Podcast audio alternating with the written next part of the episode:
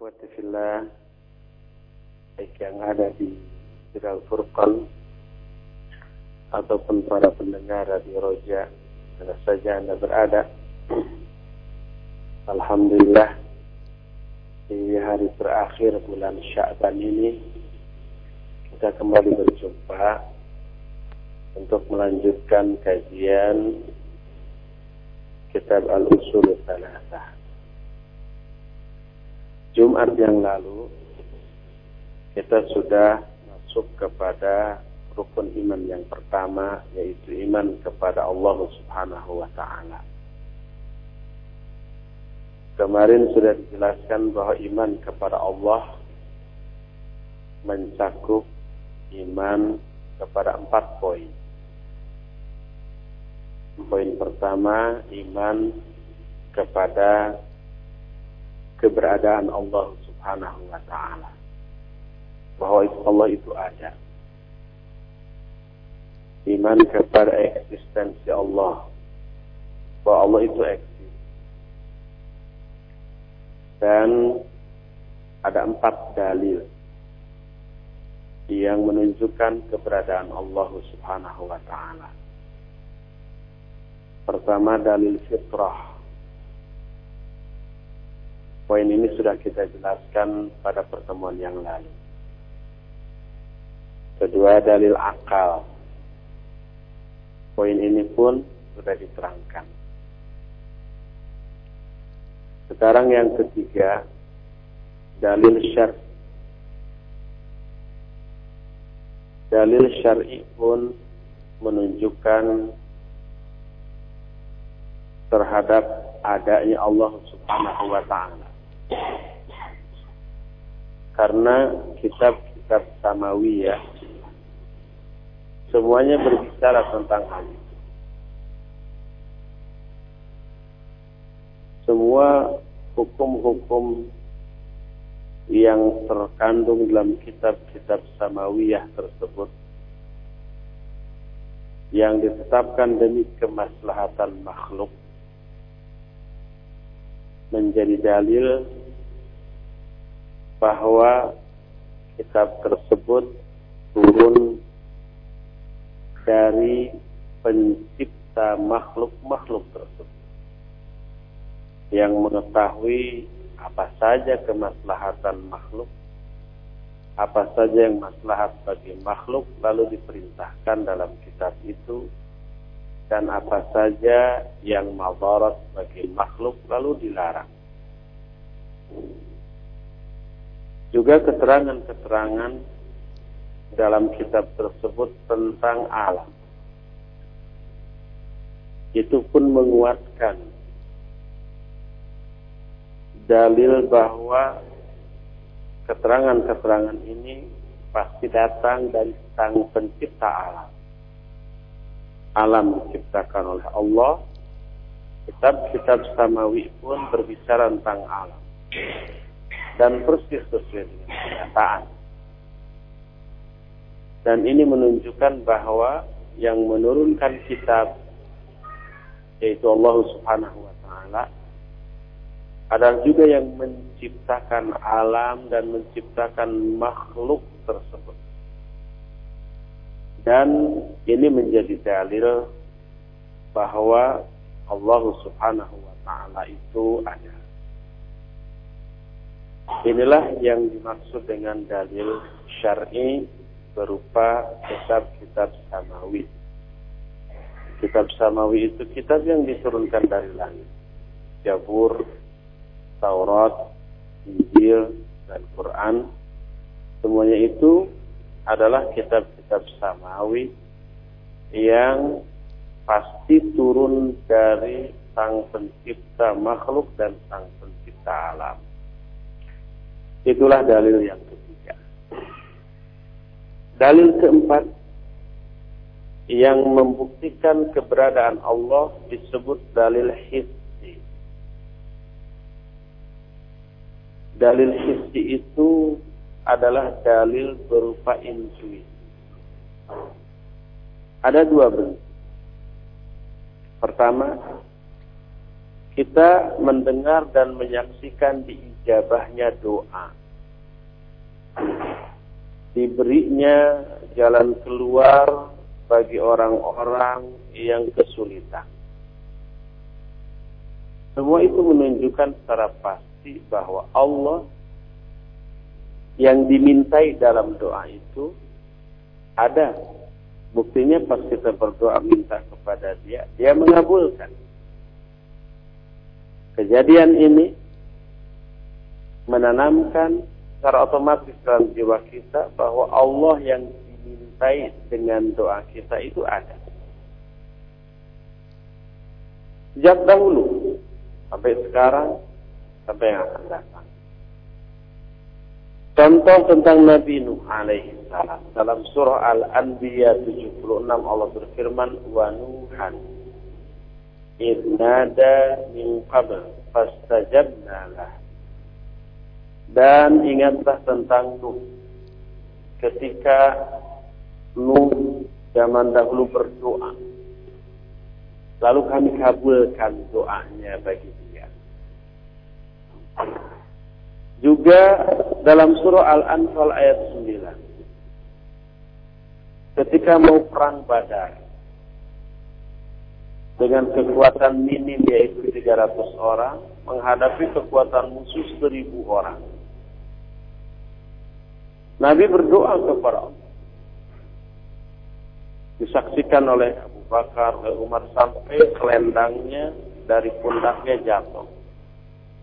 Diambil oleh Abu Bakar lalu disimpan lagi di atas pundak Nabi Shallallahu. Nabi berdoa minta bantuan pertolongan kepada Allah menghadapi perang ini dan dikabulkan. Allah berfirman dalam Al-Anfal, "Idh rabbakum fastajaba lakum anni mumiddukum bi alfin minal malaikati murdifin." Ingatlah ketika kalian berdoa kepada Rabb kalian kepada Allah Subhanahu wa taala lalu Allah mengabulkan doa kalian dikabulkan bahwa Allah mengirim seribu malaikat yang turun berduyun-duyun Jadi ayat-ayat tadi yang menjelaskan dikabulkannya doa menunjukkan bahwa Allah yang dimintai dengan doa itu ada. Dalam Sahih Bukhari sebuah hadis dari Anas bin Malik radhiyallahu Kata Anas, "Anna a'rabiyan dakhala yawm al-jumu'ah wan nabiyyu yakhtub." فقال يا رسول الله هلك المال وجعني فادعو الله لنا فرفع يديه ودعا فسر الصحابة أمثال الجبل falam yanzil an mimbarihi hatta ra'aitul matar ya, yatahadaru ala lihyati kata ana ada seorang Arab Badui masuk ke masjid pada hari Jumat ketika itu Nabi Shallallahu Alaihi Wasallam sedang berkhutbah. Berkatalah orang Arab Badui wahai Rasulullah hancur harta kita. Kelaparan keluarga-keluarga kita. Maka berdoalah kepada Allah untuk kami.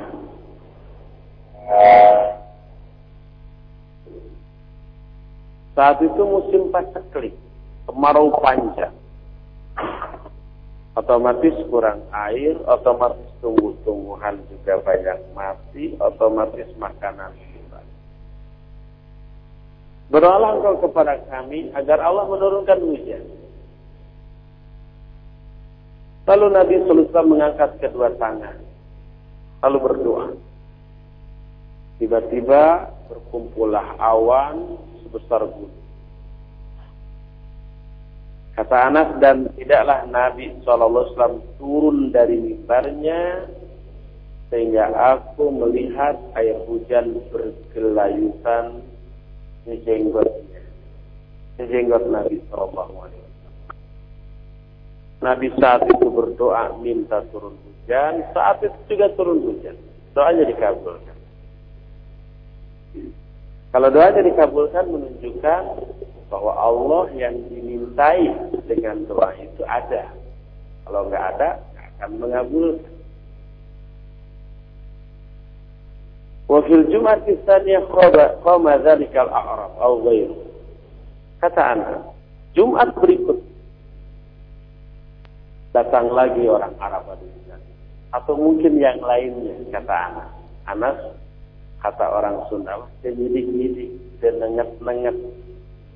Apakah di Jumat yang kedua itu yang berdiri Arab Arab baru yang Jumat kemarin atau bukan? Tapi itu tidak penting siapa pun orang. Yang penting kan kasus. Jumat berikutnya ada orang lagi berdiri, lalu bertanya, ber, berbicara, Ya Rasulullah tahaddama bina wa gharaqalna, fad'ullah. Wahai Rasulullah, bangunan-bangunan harta juga tenggelam. Jadi rupanya sejak Jumat kemarin sampai Jumat sekarang itu hujan terus-terusan. Sehingga mengakibatkan banjir. Kemudian bangunan-bangunan juga runtuh. Dan matahari tidak kelihatan karena terhalang awan. Gelap. Sehingga pada Jumat berikutnya tersebut orang tadi mengatakan, Ya Rasulullah, bangunan kami pun harta tenggelam. Berdoa engkau untuk kami. Berdoa agar hujan dihentikan gitu. Lalu Nabi Shallallahu Alaihi Wasallam mengangkat kembali kedua tangannya lalu berkata Allahumma hawalaina wa la'anaina. Ya Allah, turunkan hujan di sekitar kami, bukan di atas kami. Berhentilah. Kata anak, tidaklah kami keluar dari masjid kecuali matahari sudah kembali bersinar dengan terang. Dijawabnya doa dalam kasus yang barusan kita ceritakan dalam Sahih Bukhari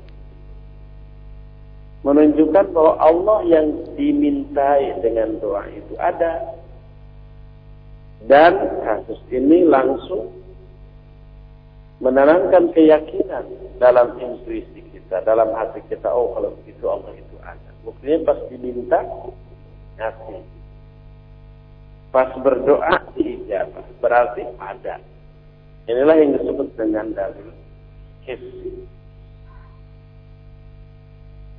Kedua, yang membuktikan adanya eh, dalil hissi tentang adanya Allah adalah mukjizat yang disaksikan oleh manusia atau didengar oleh manusia. Adanya mukjizat dan hal-hal yang disaksikan oleh manusia berupa keluar biasaan yang ditunjukkan oleh para nabi termasuk Nabi Shallallahu Alaihi Wasallam juga menjadi dalil bahwa Allah itu ada.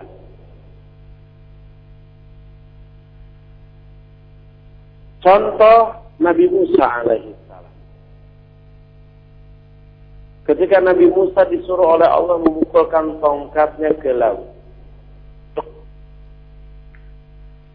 Lalu terbentanglah 12 jalan kering. Masing-masing kelompok pengikut Nabi Musa yang 12 kelompok itu mengikuti jalannya masing-masing. Kiri kanannya air seperti gunung. Tapi jalan yang mereka lalui kering. Allah berfirman dalam surah Asy-Syu'ara ayat 63, "Fa'auhayna ila Musa anidrib bi'asokal hajar fan falaqa fakana kullu firqin qataudil azim kami wahyukan kepada Musa agar Musa itu hai Musa pukulkan tongkatmu ke dalam lautan maka terbentanglah semua kelompok kemudian menelusuri jalan yang masing-masing yang telah ditutup tersaksikan oleh manusia. Ini menunjukkan bahwa yang mengutus Nabi tersebut ada dan memberikan keluar biasaan berupa mukjizat. Contoh lain Nabi Isa alaihissalam bisa menghidupkan orang yang mati, mengeluarkan mayat-mayat dari kuburannya lalu dihidupkan dengan izin Allah. Allah berfirman, wa uh, uhyil mauta. Kata Nabi Musa, dan aku bisa menghidupkan mayit dengan izin Allah. Dalam Al-Maidah ayat 110 wa idzukhrijul mauta dan ingatlah ketika engkau mengeluarkan mayit dari kuburannya dengan izin. Bahkan Nabi Musa, eh, Nabi Isa bisa mengambil tanah liat dibentuk menjadi burung-burungan ditiupah keleber. Itu burung hiber. Hiber itu berapa? Jadi burung beneran. Termasuk Nabi Muhammad Sallallahu Alaihi Wasallam. Mujizatnya baik salah satu mujizat yang agung adalah ketika Nabi Shallallahu Alaihi Wasallam mengumumkan bahwa dirinya Nabi, utusan Allah. Kemudian orang-orang Quraisy minta bukti. Mana buktinya bahwa kamu itu utusan Allah? Nabi balik menanya, siapa yang kalian minta? Kalau Nabi menunjukkan sendiri tanpa diminta, nanti ditolak. Bukti apa yang kalian minta agar kalian yakin bahwa aku utusan Allah? berembuklah orang-orang Arab Quraisy minta sesuatu yang kira-kira mustahil bisa dipenuhi. Akhirnya sepakat itu bulan di atas. Semua dibelah jadi dua. Kan mustahil ya secara akal. Sepakat. Minta bukti terbelahnya bulan. Lalu Nabi SAW mengisyaratkan dengan telunjuknya seolah-olah membelah bulan dari jauh dan bulan pun terbelah. Ada dua kali kasus terbelahnya. Semua manusia melihat. Tapi dasar orang Arab, kafir, kures, bandel, pedang, uang kelas, kekapalan. Setelah minta bulan dibelah dan permintaan mereka dipenuhi, angeroy kafir makasih tidak lantas beriman dengan Nabi. Kejadian ini Allah abadikan dalam surah Al-Qamar mulai ayat pertama dan yang kedua. Allah menyatakan tarabat sa'atu wan syaqqal qamar wa iyyahu ayatan yu'rid wa yaqul wa yaqulu. Kata Allah telah dekat hari kiamat dan telah terbelah dan ketika mereka melihat tanda kebesaran Allah tentang terbelahnya bulan itu mereka berpaling lalu berkata, "Uh, ini sihir yang hebat." Jadi dianggap Para itu mau dan banyak lagi mukjizat-mukjizat yang lain. Kejadian luar biasa berupa mukjizat ini tak pelak lagi tanpa bisa ditolak lagi menghadirkan keyakinan dalam hati. Oh kalau begitu Allah itu ada. Buktinya tuh Nabi yang diutus oleh Allah itu diberi keluar biasaan sedahsyat. Ada kalau begitu. Jadi kasus-kasus itu langsung secara otomatis menanamkan keyakinan dalam hati manusia yang melihatnya tentang keberadaan Allah. Inilah yang dengan dalil hissi tentang keberadaan Allah Subhanahu wa taala. Itulah dalil keempat tentang keberadaan Allah. Oleh karena itu wajib kita semua meyakini Allah itu ada dan iman terhadap keberadaan Allah termasuk salah satu bagian dari iman kepada Allah. Ini yang pertama. Kedua, iman kepada Allah juga mencakup iman terhadap kerububiahan Allah. Pertama kan terhadap keberadaan Allah, bahwa Allah itu ada. Kedua juga beriman kepada kerububiahan Allah. Rububiyah itu berasal dari kata Rabb. Dengan arti wajib meyakini Allah satu-satunya Rabb. Sedangkan Rabb maknanya adalah Khaliq, Raziq, Malik, Mudabbir. Itu makna Rabb. Rabb itu artinya pencipta. Rabb itu juga berarti pemberi rizki. Rabb juga berarti raja atau penguasa. Rabb juga berarti pemilik. Rabb juga berarti pengurus, pendidik, pembina. Itu makna Rabb. Setelah azan kita disyariatkan berdoa Allahumma Rabba hadhihi da'wat tam. Allahumma ya Allah Rabba yang memiliki hadhihi da'wat tam seruan yang. Panggilan yang sempurna. Rabbi sana artinya Ketika ruh mau dimasukkan ke dalam jasad bayi janin ada dialog dulu. Allah birabbikum bukankah kamu apakah kamu mengakui aku Rob Rob itu pencipta kamu. Rob itu pencipta. Dia menjawab bala syahidna ya kami tetap di perguruan tinggi perguruan tinggi Islam ada sebuah fakultas namanya fakultas tarbiyah berasal dari kata Rob Robba yurabbi tarbiyah artinya fakultas pendidikan. Rob bermakna juga pendidikan. Kita berdoa untuk orang tua. Allahumma gfirli wali walidayya warhamhuma kama bayani saghir. Ya Allah, ampuni aku, kedua orang tuaku dan kasihanlah mereka berdua sebagaimana kedua-duanya telah merob aku sejak kecil. Rob di sana mengasuh, mengurus, mengatur, mengarahkan dan yang sejenis. Jadi Rob itu memiliki banyak makna yang positif. Sehingga meyakini Allah sebagai satu-satunya Rob, maknanya meyakini Allah sebagai satu-satunya pencipta. Tidak ada pencipta lain selain Allah pemberi rizki, nggak ada pemberi rizki lain selain Allah. Kalau Allah menahan rizki, nggak ada yang bisa memberi rizki kepada orang itu. Amman hadalladzi yarzuqukum in amsaka rizqa. Akan ada orang yang akan memberi rizki kepada kamu kalau Allah menahan rizki itu dari kamu. Nggak ada.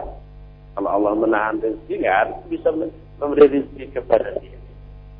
Allah satu-satunya pemberi juga satu-satunya penguasa, juga satu-satunya raja, juga satu-satunya pengurus alam semesta. Orang yang meyakini Allah dengan keyakinan seperti itu berarti orang itu sudah iman kepada rububiyah Allah.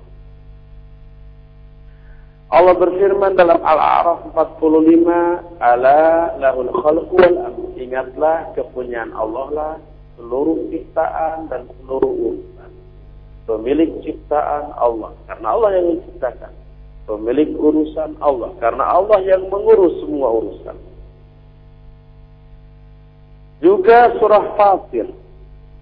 Zalikumullahu rabbukum lahul mulk walladzina tad'una min duni ma yamlikuna min qitmir. Itulah Allah Rabb kalian. Kepunyaannya lah lahul mulku, semua kekuasaan, semua kerajaan. Jadi meyakini Allah sebagai satu-satunya Rabb termasuk bagian dari iman kepada Allah. Di dunia ini tidak ada satupun manusia yang mengingkari kerububiahan Allah. Kecuali Orang yang mengingkari kerububian Allah itu hanya karena takabur. Karena sombong. Tapi dalam artinya ngaku. Seperti umpah Fir'aun. Ta'natullahnya. Dia berkata, Ana Rabbukumul A'la. Akulah Rabb kalian yang paling Jadi, Fir'aun ngaku diri sebagai Rabb. Bahkan ngaku sebagai ilah, sesembahan. Dalam surah Al-Qasas ayat 38 Fir'aun menyatakan ya ayyuhal mala'u ma'alimtu lakum min ilahin ghairi wahai para penggawa-penggawaku aku tidak mengetahui ada sembahan lain bagi kalian selain aku. Si Fir'aun itu ngaku ilah ngaku rob. Robnya paling tinggi. Ana rabbukumun aku rob kalian yang paling Selain ngaku Rob, Takuilah ma'alintu lakum min ilahin ghairi. Aku tidak mengetahui ada ilah lain bagi kalian selain aku. Ada sembahan lain. Tapi dalam hatinya dia yakin bahwa satu-satunya ilah itu hanya Allah. Satu-satunya Rob itu hanya Allah. Dia ngomong itu karena sombong, karena takabur. Bagaimana kita tahu hati Fir'aun bahwa hatinya itu yakin? Apa kita membedah, membedah dada Fir'aun lalu melihat hatinya? Enggak. Walaupun dadanya dibedah, nggak menunjukkan apa-apa tentang isi hatinya ya. Tapi Allah yang ngasih tahu bahwa hati Fir'aun itu yakin. Allah mengungkapkan dalam surah An-Naml ayat 14, wajahadu biha wastaiqanatha anfusuhum zulman wa uluwan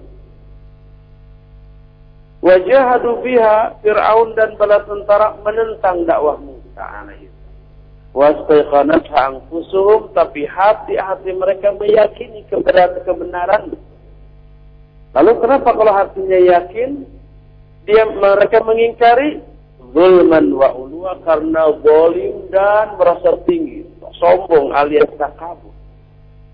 Karena ketakabur. Jadi kalau ada orang yang ngaku, saya nggak percaya adanya Allah, adanya pencipta, enggak. Itu hanya di mulut, tapi hatinya yakin. Seperti Fir'aun. Nabi Musa alaihissalam pun mengungkapkan seperti itu di hadapan Fir'aun. Kata Nabi Musa yang Allah abadikan dalam surah Al-Isra 102, "Laqad alimtu laqad alimta ma anzala haula illa rabbus samawati wal ard basair wa inni la adhunnuka ya fir'aun makbura." Kata Nabi Musa, padahal kamu tahu tidak ada yang menurunkan hujan, menurunkan semua itu, menurunkan semua cobaan kecuali Rabbus samawati wal penguasa langit dan bumi yaitu Allah Subhanahu wa taala. Kamu tahu itu Firaun. Yang menurunkan semua itu Allah. Dan Firaun tidak mengingkari ucapan Nabi. Jadi Firaun meyakini dalam hati bahwa pencipta alam jagat raya itu Allah. Adapun pengingkaran Firaun dengan lisan itu karena kesombongan aja bukan ingkar dari hatinya Berdasarkan hal itulah maka orang-orang musyrikin Arab jahiliyah di zaman Nabi Shallallahu Alaihi Wasallam juga mengakui kerububiahan Allah. Cuma mereka nggak mau menyembah Allah. Tapi Allah satu-satunya Rabb mereka yakini, mereka akui Allah satu-satunya pencipta, pemberi rezeki, penguasa alam semesta. Mereka yakin. Allah mengungkapkan hal ini dalam Al-Quran surah Al-Mu'minun ayat 84 sampai 89 kata Allah. Qul limanil ardu wa man fiha in kuntum ta'lamun sayaquluna lillah. Qul afala tadhakkarun. Katakan oleh Muhammad. Tanya itu orang-orang kafir Quraisy kepunyaan siapakah bumi beserta isinya kalau kalian tahu? Mereka menjawab kepunyaan Allah.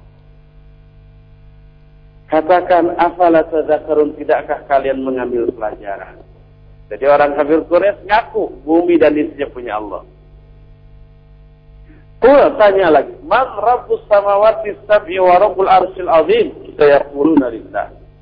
Tanya lagi mereka, "Siapa penguasa tujuh langit dan pemilik ars yang agung?" Mereka menjawab, "Punyaan Allah." Kul afala. Katakan, tidakkah kalian? Kul tanya lagi mereka, man biyadihi malakutu kulli syai'in wa huwa yujiru wa la yujaru alaihi in kuntum ta'lamun? Sayaquluna lillah. Kul fa anna tus'am. Tanya lagi, siapakah yang di tangannya lah tergenggam kekuasaan segala sesuatu? Dia yang memberi jaminan dan tidak perlu jaminan dari siapa pun kalau kalian tahu. Mereka akan menjawab semuanya itu Allah subhanahu. Jadi orang-orang Arab Badui meyakini penguasa alam jagat raya ini Allah. Dalam surah Az-Zukhruf ayat 9 Allah juga berfirman wala in sa'altahu man khalaqas samawati wal ard la yaqulunna Allah ala yaquluna khalaqahunnal azizul alim. Kalau kamu hai Muhammad bertanya kepada orang-orang kafir Quraisy, siapa yang menciptakan langit dan bumi? Mereka menjawab yang menciptakan langit dan bumi adalah Allah yang aziz dan alim. Jadi semuanya itu mereka aku. Jadi orang Arab jahiliyah, orang kafir Quraisy pun memiliki tauhid rububiyah, meyakini tauhid rububiyah. Tapi keyakinan mereka tentang tauhid rububiyah bagi Allah tidak menjadikan mereka jadi muslim. Karena apa? Karena jadi muslim atau tidaknya nanti poin yang ketiga yaitu tauhid al-uluhiyah. Fir'aun meyakini Allah sebagai pencipta dalam hatinya walaupun secara lisan dia ingkar. Orang Arab Quraisy, orang kafir Quraisy, hatinya meyakini, lisan pun mengakui. Tapi baik Fir'aun yang meyakini kerububiahan Allah ataupun orang Arab kafir Quraisy yang meyakini kerububiahan Allah tidak menjadikan mereka menjadi muslim. Tetap dalam kekafiran, tetap dalam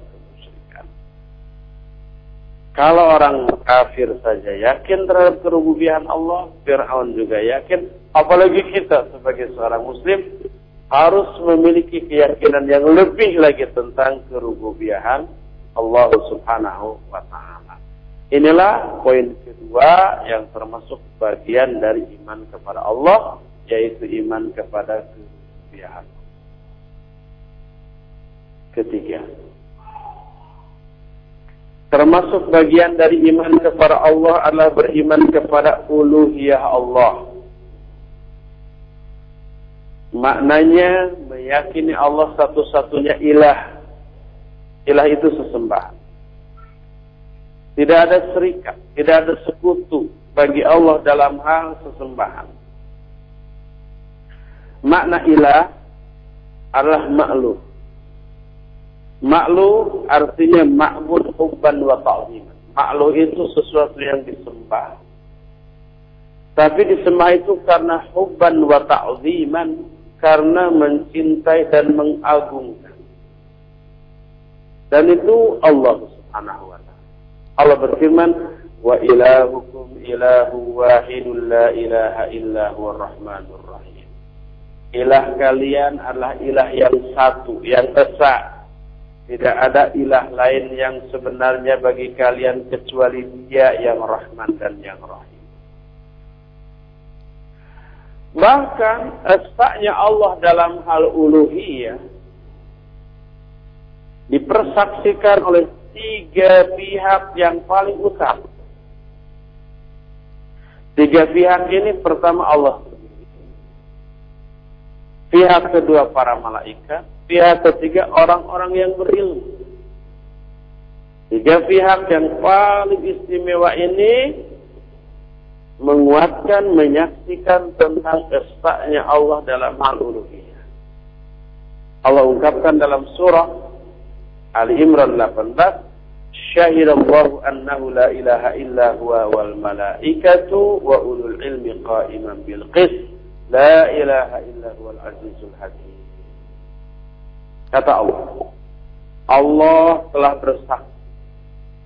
Allah sendiri yang bersaksi. Allah telah bersaksi bahwa tidak ada ilah yang sebenarnya kecuali dia. Juga para malaikat dan orang-orang yang berilmu. Jadi yang bersaksi bahwa Allah satu-satunya ilah adalah pertama Allah sendiri, kedua para malaikat, ketiga orang-orang yang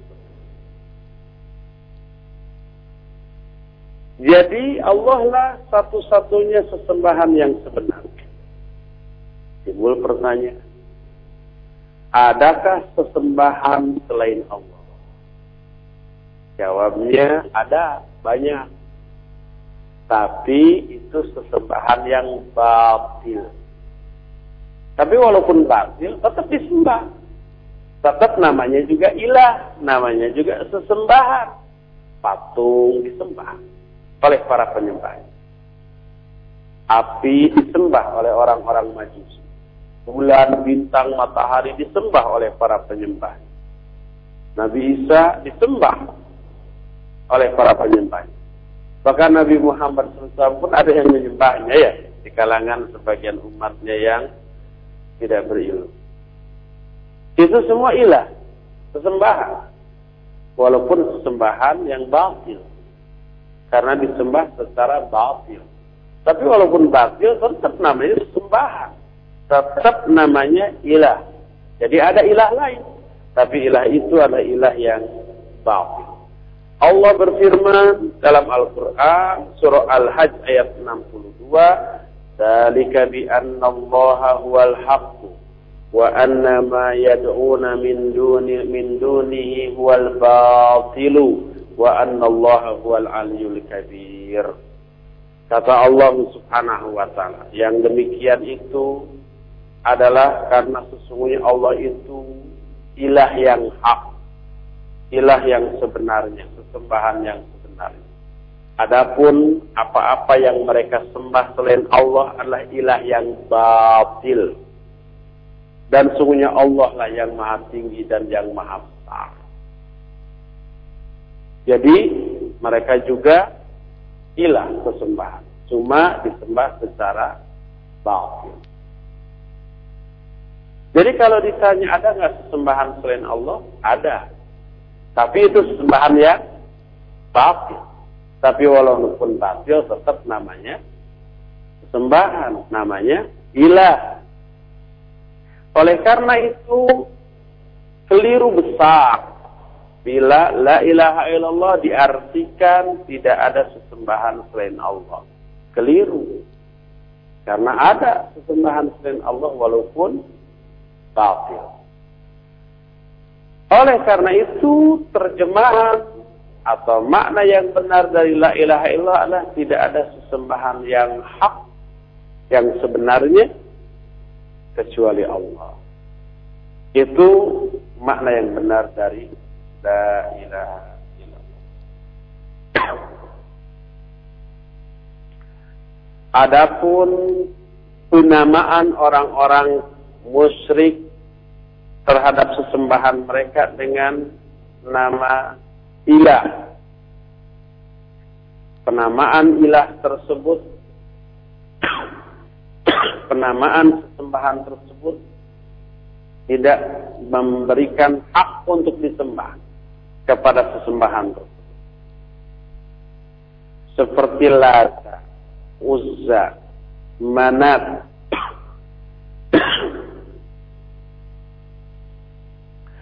itu nama-nama yang ditetapkan oleh para penyembah. Uzza dari Aziz, Manat dari Manan, Maha Pemberi itu diambil akar katanya dari nama-nama Allah. Sehingga disebutlah ilah. Allah berfirman, In hiya illa asma'un sammaitumuha antum wa aba'ukum ma anzalallahu biha min sultan. Nama-nama itu tiada lain kecuali nama-nama yang kalian namakan kepada sesembahan-sembahan itu juga yang ditetapkan oleh bapak-bapak kalian. Padahal Allah tidak menurunkan keterangan dalam masalah itu. Walhasil, sekalipun mereka itu ilah, disebutnya sebagai ilah, tapi ilah yang batil. Adapun satu-satunya ilah yang hak hanyalah Allah Subhanahu wa taala. Oleh karena itulah maka wajib kita meyakini satu-satunya sesembahan yang sebenarnya adalah Allah, bukan yang lain. Selain Allah, sesembahan yang batil. Dan inilah yang disebut dengan iman kepada uluhiyah Allah Maknanya adalah mengimani, meyakini Allah sebagai satu-satunya ilah, satu-satunya sesembahan yang disembah dalam bentuk-bentuk yang disyariatkan oleh Allah. Allah disembah dalam bentuk berdoa. Kita berdoa kepada Allah berarti menyembah Allah. Kalau berdoa itu ditujukan kepada selain Allah berarti kita ber, ber, menyembah kepada selain Allah tersebut kita berdoa kepada malaikat. Hei malaikat, bantu saya. Itu berdoa kepada malaikat berarti ibadah kepada malaikat. Dan itu syirik. Makanya tidak boleh berdoa kepada malaikat. Berdoa kepada nenek moyang yang sudah meninggal. Wahai mbah, nunga gege di tempat. Beri saya jodoh empat, umpamanya. Berdoa kepada mbah berarti menyembah mbah. Dan itu syirik. Orangnya musyrik. Dan itu dosa yang terbesar. Yang tidak diampuni oleh Allah kalau dosa itu terbawa mati ke alam kubur. Inilah poin yang ketiga dari iman kepada Allah yaitu iman kepada uluhiyah Allah. Keempat, terakhir dari iman kepada Allah adalah iman kepada asma dan sifat. Iman kepada asma dan sifat Allah ini penjelasannya amat sangat panjang. Dan waktunya bagi kita tidak cukup. Pada sore hari ini, jam setengah enam kita harus sudah bubar. Karena perjalanan saya dari sini ke rumah kira-kira satu jam ya. Mengejar isya di sana, terawih di sana. Kalau saya maghrib di sini, tidak akan terkejar nanti terawih di rumah gitu ya. Maksudnya di masjid dekat rumah. Oleh karena itu untuk iman kepada asma sifat kita tunda pada Jumat yang akan datang. Untuk sore hari ini cukup sampai di sini dan kita masih bisa waktu beberapa menit untuk bertanya jawab. Dan untuk kesempatan pertama ini saya berikan kepada pendengar Radio Roja baik SMS ataupun langsung via telepon kepada akhir Fawas saya persilakan untuk menyampaikan pertanyaan. Alhamdulillah. Nah, demikian ikhwatal Islam azanillah yakum sesi materi untuk kesempatan sore hari ini dari pembahasan tiga landasan utama. Kami angkat selanjutnya untuk Anda yang akan bertanya, kami persilakan di 0218236543. Sekali lagi di 0218236543. Kita angkat untuk yang pertama. Assalamualaikum.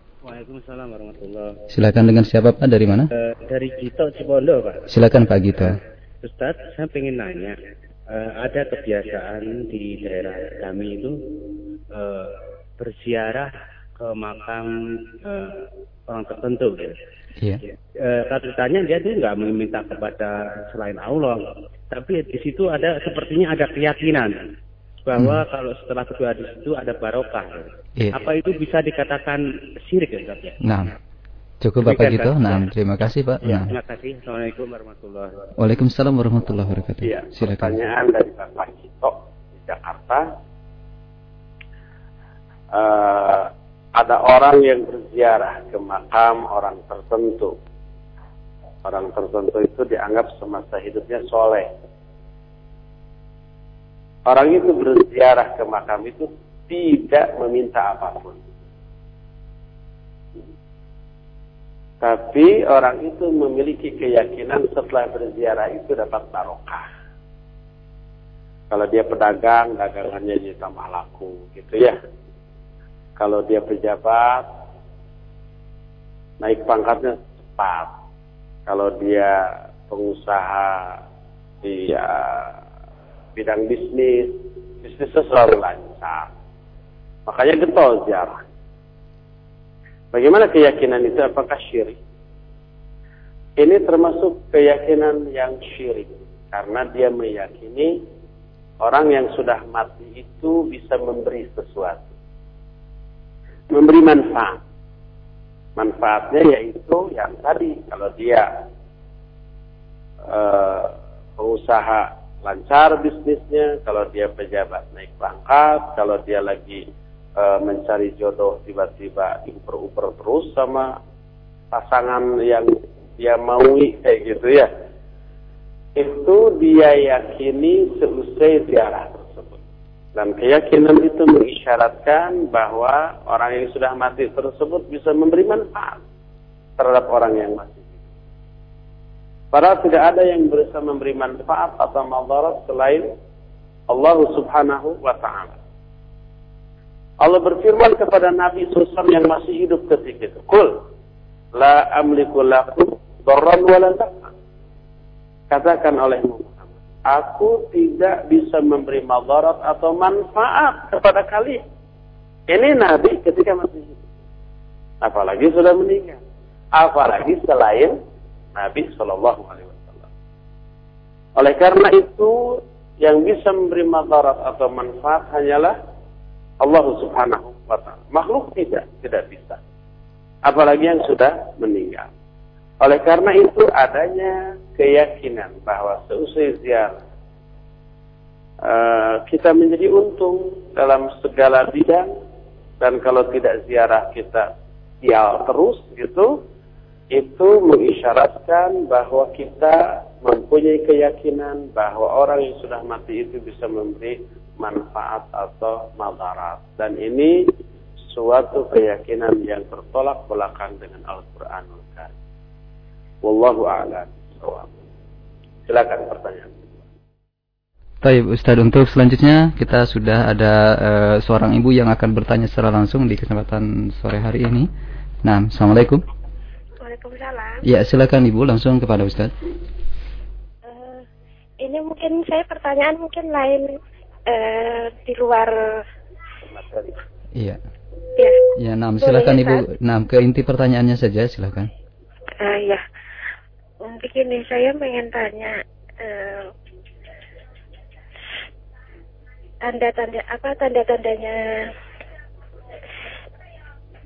takdir Allah atau memang azab Allah atau memang uh, cobaan cobaan ujian begitu nah. cobaan hidup itu hmm. gimana caranya kita untuk bertobat gitu ya. Nah, uh, itu saja. Caranya bertobat. Nah, ter, nah, cukup bu. mendekatkan diri bertobat, tapi belum menemukan solusi. Itu aja. Ustaz. Assalamualaikum. Waalaikumsalam warahmatullahi wabarakatuh. Nah, silakan Ustaz bisa ya. mendapatkan intinya, silakan. Seorang ibu dan semoga Allah memberikan kesabaran ya atas musibahnya juga memberikan solusi jalan keluar dari masalah yang dihadapinya. Seorang ibu tadi berkata atau bertanya, apakah mungkin ya dari pertanyaan saya men men men menangkap isyarat ibu ini sedang beroleh musibah. Nah. Tapi juga berkaitan dengan adanya dosa karena tadi pertanyaan uh, di antaranya taubat. Iya. Apakah ini takdir atau musibah atau ujian dari Allah dan bagaimana cara bertobat? Barangkali ada umpamanya seseorang terjerumus dalam maksiat besar Apakah terjerumusnya orang itu kena maksiat itu musibah atau azab atau takdir dan bagaimana caranya bertobat dari musibah dari dari maksiat itu? Ya, jawabannya kalau itu sudah terjadi ya itu takdir. Sebab kalau sudah terjadi berarti hal itu sudah ditakdirkan oleh Allah Subhanahu wa taala. Semua yang terjadi adalah takdir dan apa yang Allah takdirkan pasti terjadi dan apa yang tidak ditakdirkan oleh Allah tidak mungkin terjadi. Itu yang pertama. Kedua, kalau memang terjerumus seseorang ke dalam maksiat itu takdir Allah subhanahu wa ta'ala. Kenapa dia diberi dosa? Kenapa dia nanti diazab atas dosanya? Kan dia terjerumus dalam dosa itu juga takdir ya. Kenapa diazab? Kenapa diberi dosa? Jawabannya adalah tidaklah Allah mencabut hidayah dari seseorang. Atau tidaklah Allah menahan hidayah dari seseorang. Kecuali pasti Allah memiliki alasan yang tidak diketahui oleh manusia, oleh makhluk. Dan alasan itulah yang menyebabkan Allah tidak memberi hidayah kepada orang itu. Karena tidak memberi tidak memberi hidayah kepada orang itu, orang itu jadi maksiat. Baik maksiatnya karena melanggar larangan atau meninggalkan perintah. Tidak sholat umpamanya, tidak saum umpamanya, atau melanggar larangan umpamanya berjudi, atau mabuk, atau berzina, atau mencuri, atau yang sejenis itu. Contoh, iblis laknatullah ya. Kenapa dia disesatkan oleh Allah? Padahal tadinya dia ahli ibadah.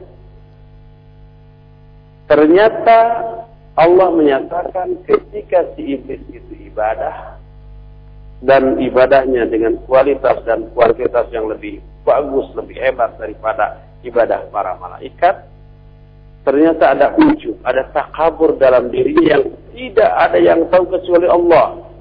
Dan Allah ingin membongkar ketakaburan iblis itu dengan cara diciptakannya Adam alaihissalam lalu disuruh sujud. Terbongkar ketakaburan itu. Adapun malaikat yang selama ini ibadahnya kepada Allah lurus-lurus aja, ikhlas aja, pas diciptakan Adam lalu disuruh sujud, ya banyak tingkah langsung sujud. Fasajadu illa iblis. Aba wastakbar wa kana kafir. Semua sujud kecuali iblis. Iblis itu enggan dan takabur dan dia termasuk kelompok kafir. Oleh karena itu ketika Allah menyatakan mau, membuat khalifah di muka bumi, para malaikat bertanya, "Ataj'alu fiha ma yufsidu fiha wa yasfiku dima wa nahnu nusabbihu bihamdika wa nuqaddisu lak." Qala inni a'lamu ma la Kenapa engkau akan menjadikan khalifah di muka bumi yang akan mengadakan kerusakan, mengadakan pertumpahan darah? Padahal kami sudah bertasbih mensucikan engkau. Apa kata Allah? Aku lebih mengetahui apa yang tidak kalian ketahui. Kata Imam Al-Qurtubi, yang dimaksud aku mengetahui apa yang tidak kalian ketahui adalah aku mengetahui ketakaburan iblis yang tidak kalian ketahui. Diciptakannya khalifah ini untuk membongkar ketakaburan iblis. Ini pertama. Kenapa iblis disesatkan? Karena ada ketakaburan waktu ibadahnya dulu. Dan nggak ada yang tahu kecuali Allah. Lalu Allah bongkar itu. Dan banyak lagi contoh-contoh lain yang juga sering saya ungkapkan. Bahwa kalau Allah menyesatkan seseorang, pasti karena ada alasan sebelumnya. Yang disebabkan karena kesalahan orang tadi. Oleh karena itulah, maka Allah mentakdirkan dia terjerumus ke dalam maksiat. Tapi setelah itu, syariat mewajibkan orang yang terjerumus dalam maksiat itu untuk bertobat. Dengan bertobat, nah, banyak keutamaan. Apa keutamanya? Dengan bertobat, selain dosa terhapus, pahala nambah. Ini yang pertama. Kedua, orang yang bertobat dari dosa-dosanya membuat Allah ini bahagia. Nabi selesai menyatakan Allah lebih bahagia dengan tobatnya seorang hamba ketika dia bertobat dibanding kebahagiaan yang dialami oleh seseorang yang bepergian membawa perbekalan di tengah padang pasir perbekalannya hilang. Kudanya yang membawa perbekalan kabur entah ke mana. Dicari ke sana kemari nggak ada. Akhirnya dia putus asa. Di tengah putus asanya dia berbaring di bawah, bawah sebatang pohon dan dia sudah putus asa ketika berbaring tiba-tiba torojo binatang yang membawa perbekalan itu datang lagi. Gimana perasaannya? Senang luar biasa. Senang luar biasa. sambil meraih tali kekang kudanya dia berkata saking gembiranya ngomongnya salah dia mengatakan Allahumma anta abdi wa ana rabb aku amin syiddatil farah ya Allah engkau hambaku dan aku Tuhan salah kan terbalik ya. Ya Allah engkau hambaku dan aku Tuhan. Dia salah saking gembira. Allah lebih gembira lagi daripada orang itu. Jadi banyak hikmah di balik musibah, termasuk di balik maksiat. Dia bisa dan harus tobat. Dan dengan tobatnya nanti banyak mengundang keuntungan yang lebih. Dan untuk itulah Allah mentakdirkan segala keburukan. Allah mentakdirkan syirik, mentakdirkan kufur, mentakdirkan uh, bid'ah, maksiat dan keburukan untuk melahirkan keutamaan-keutamaan yang besar. Karena ada syirik dan kufur dan bid'ah, ada dakwah, ada jihad, ada mati syahid, ada amar ma'ruf nahi munkar. Dan itu ibadah-ibadah yang agung. Coba, kalau nggak ada kekufuran, nggak ada syirik, nggak ada bid'ah, nggak ada penyimpangan, ada nggak kewajiban dakwah? Nggak ada. Untuk apa dakwah? Semua orang benar. Ada nggak kewajiban jihad? Nggak ada. Nggak ada orang kafir. Untuk apa kita berjihad? Siapa lawan yang harus dijihadi? Ada nggak amar ma'ruf nahi munkar? Nggak ada, karena nggak ada keburukan. Jadi adanya keburukan lahirkan keistimewaan ya. Keistimewaan itu tidak akan ada tanpa keburukan. Tanpa adanya kufur dan syirik, tidak ada jihad. Tanpa adanya bid'ah, maksiat, tidak ada dakwah. Tidak ada amar ma'ruf nahi munkar. Oleh karena itu siapa pun orang yang terjerumus dalam maksiat dan itu diyakini takdir Allah, dia disyariatkan untuk bertobat. Wajib dia bertobat kepada Allah Subhanahu wa taala.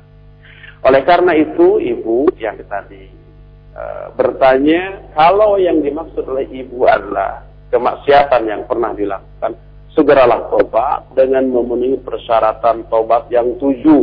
Pertama menyesal, kedua berhenti dari kemaksiatannya, ketiga bertekad tidak kembali, Keempat, kalau dosa itu berkaitan dengan hak orang lain, kembalikan hak itu kepada orang tersebut, minta maaf dan seterusnya.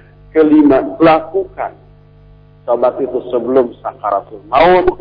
Keenam, lakukan tobat itu sebelum matahari terbit dari sebelah barat. Dan terakhir, landasi tobat itu dengan niat yang ikhlas karena Allah. Bukan karena kepentingan dunia, bukan tobat politik, bukan tobat dalam rangka ini dan itu, tapi ikhlas karena Allah Subhanahu wa taala. Gitu aja, Bu. Semoga Allah memberikan taufik dan hidayah kepada kita semua. Semoga Allah juga memberikan solusi yang uh, segera kepada ibu yang mendapatkan musibah tadi dan segera juga hatinya ditenangkan, diyakinkan dan dilepaskan dari semua masalah yang sedang menghimpit. Dan ikhwati fillah, baik yang ada di Masjid Al-Furqan maupun para pendengar Radio Roja di mana saja Anda berada. Untuk sore hari ini kita tidak sampai maghrib ya, cukup sampai di sini saja dulu.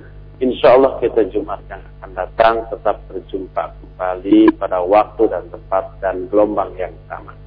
Sekian saja subhanakallah bihamdik asyhadu an la ilaha illa anta astaghfiruka wa atubu ilaik. Walhamdulillahirabbil alamin. Wassalamualaikum warahmatullahi wabarakatuh.